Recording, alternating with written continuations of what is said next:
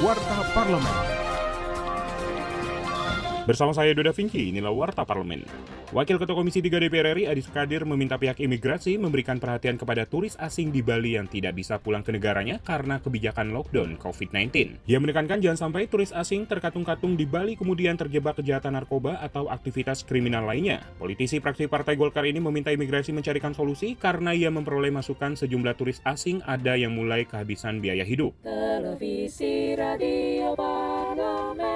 Terkait maraknya usaha teknologi finansial atau TechFin berbasis pinjaman online ilegal yang meresahkan masyarakat, anggota Komisi 11 Kamru Slamet meminta OJK lebih proaktif mengedukasi masyarakat agar tidak terjebak lintah darat online berbentuk fintech. Peranan OJK harus maksimal karena pengawasan terhadap TechFin merupakan tugas dan wewenang OJK. Kita minta OJK untuk proaktif melakukan sosialisasi dan edukasi dan advokasi kepada masyarakat tentang pinjaman online ilegal.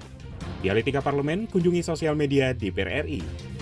Wakil Ketua DPR RI Haji Samsudin merespon sikap pemerintah terkait langkah kerja tim percepatan penyelesaian konflik agraria dan penguatan kebijakan reforma agraria.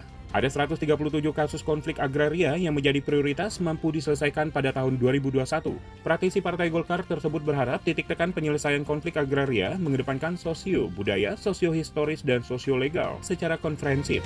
Berita selengkapnya silakan kunjungi dpr.go.id. Komisi 10 DPR RI membentuk panitia kerja RU Praktik Psikologi agar lebih efektif dalam menuntaskan pembahasan produk legislasi yang masuk prolegnas prioritas 2021 ini. Anggota Komisi 10 DPR RI Martina mengatakan belum adanya undang-undang praktik psikologi dapat memicu penyalahgunaan oleh oknum yang tidak memiliki kualifikasi pendidikan dan pengalaman. Di sisi lain, menurutnya RU ini dapat mendorong peningkatan kompetensi psikolog di Indonesia, khususnya memasuki era pasar bebas ASEAN. Warta Parlemen. Demikian Warta Parlemen, Produksi TV dan Radio Parlemen, Biro Pemberitaan Parlemen, Sekjen DPR RI.